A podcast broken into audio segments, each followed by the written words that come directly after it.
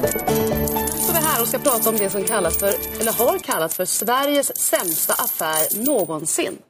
Det handlar om statliga Vattenfalls köp av det holländska energibolaget Nuon. TV4-nyheterna kan ikväll visa ett internt dokument som visar att statsminister Fredrik Reinfeldt både var informerad och godkände vad som kommit att kallas Sveriges sämsta företagsköp.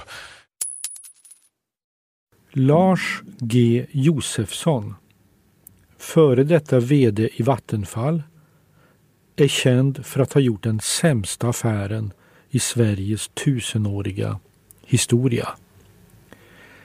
Det var han som köpte energibolaget Nuon i Holland för 90 miljarder kronor. Nu sitter han framför mig. En saklig och jämnmodig kar utan yttre tecken på emotioner. Beredd att svara på det jag undrar över.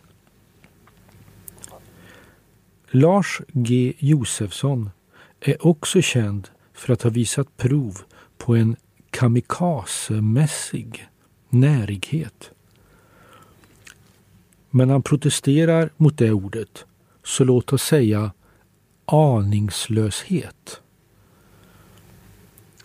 Det bestämdes, säger han, att jag skulle lämna bolaget.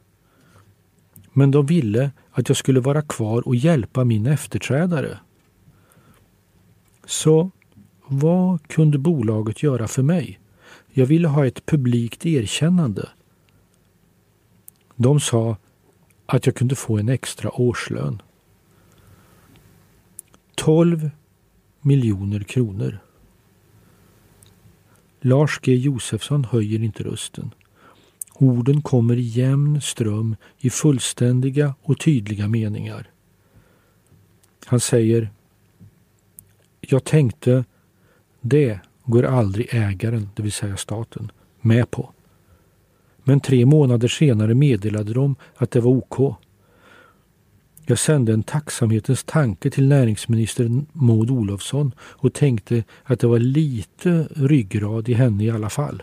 Men är inte det här som hände dig, eller som du själv skapade situationen om man säger så då? Men är inte det typiskt för så många toppchefer och direktörer och politiker som man har sett genom åren? Att de, man förstår inte riktigt utifrån hur kan man försätta sig i den här situationen? Ja, eller jag vet inte. Du har ju haft hög lön i alla, då behöver ju inte de pengarna. Nej, det kan man ju säga. Men, ja. men det, och det, jag ville ju inte heller ha pengarna om inte det var meningen att jag skulle få dem. Så nej, det, ja, ja, men det är bara ett cirkelresonemang. Det är klart att du inte kan ta pengar utan att du får dem. Du ska ju inte stjäla, så, eller hur? Ja, jag, nej, självklart. Men du kan ju själv inse när du trumfar igenom ett avtal att det här är egentligen för mycket.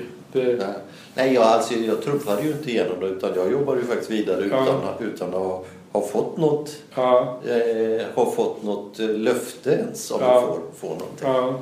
Så att eh, för mig var det där en eh, det var en sekundär grej så att säga.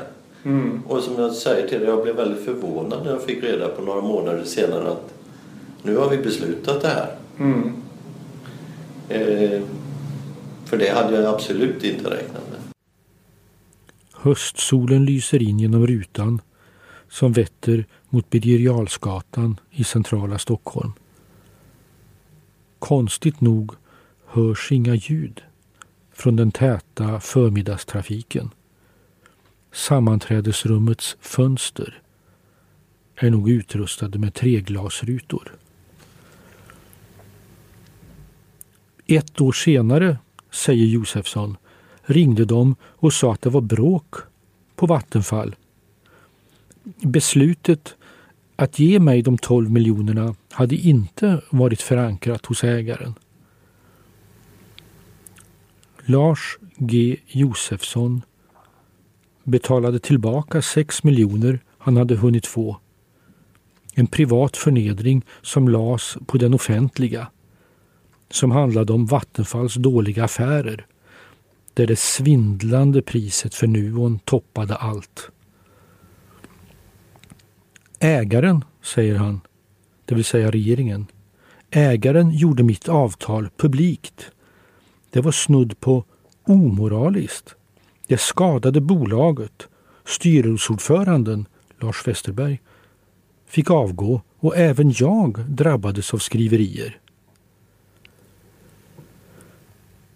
Det är enda gången Josefsson låter antyda känslor. Men fattade han inte att det skulle komma ut att han fick 12 miljoner extra för att han ändå skulle sluta?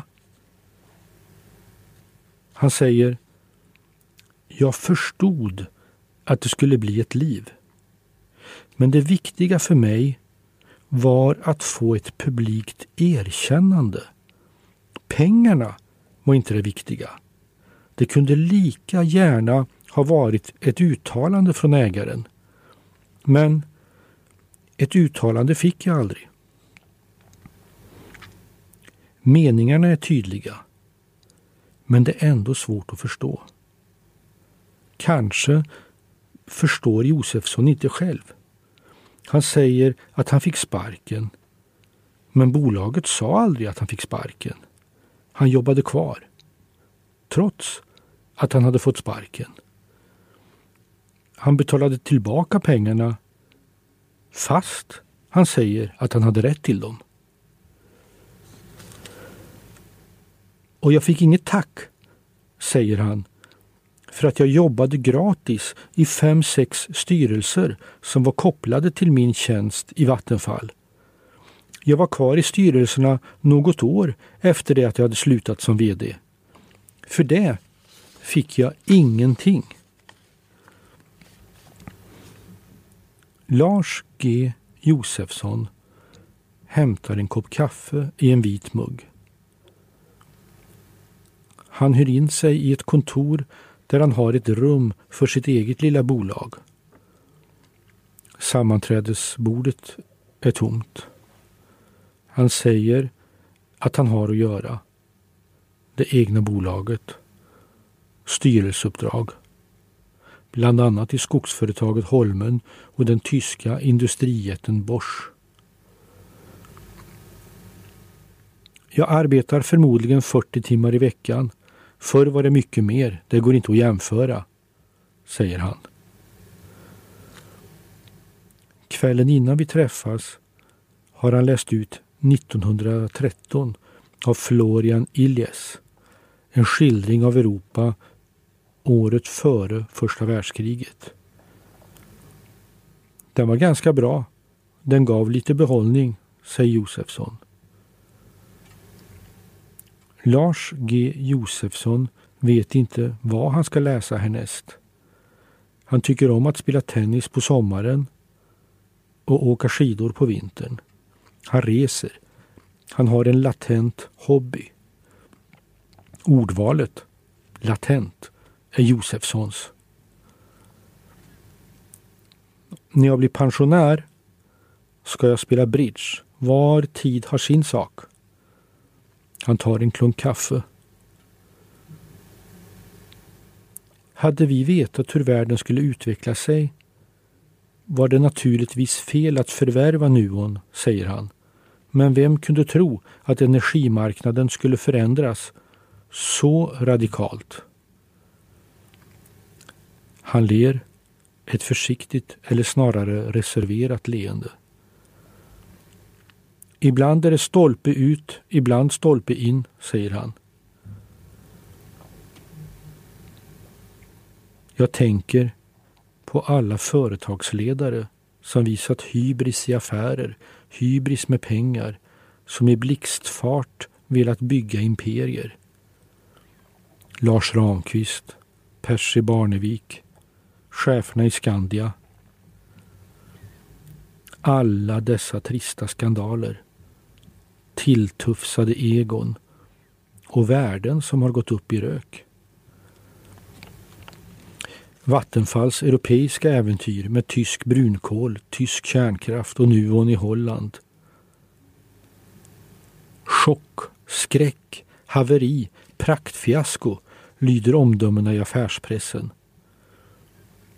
Vattenfall har förlorat 600 kronor i värde varje sekund sedan 2009, skrev Svenska Dagbladet i somras. Och äventyrets banerförare sitter i ett tomt sammanträdesrum. Inte längre stormogul. En tämligen vanlig svensk man i grå kostym som tänker spela bridge när han blir pensionär. G står för Göran.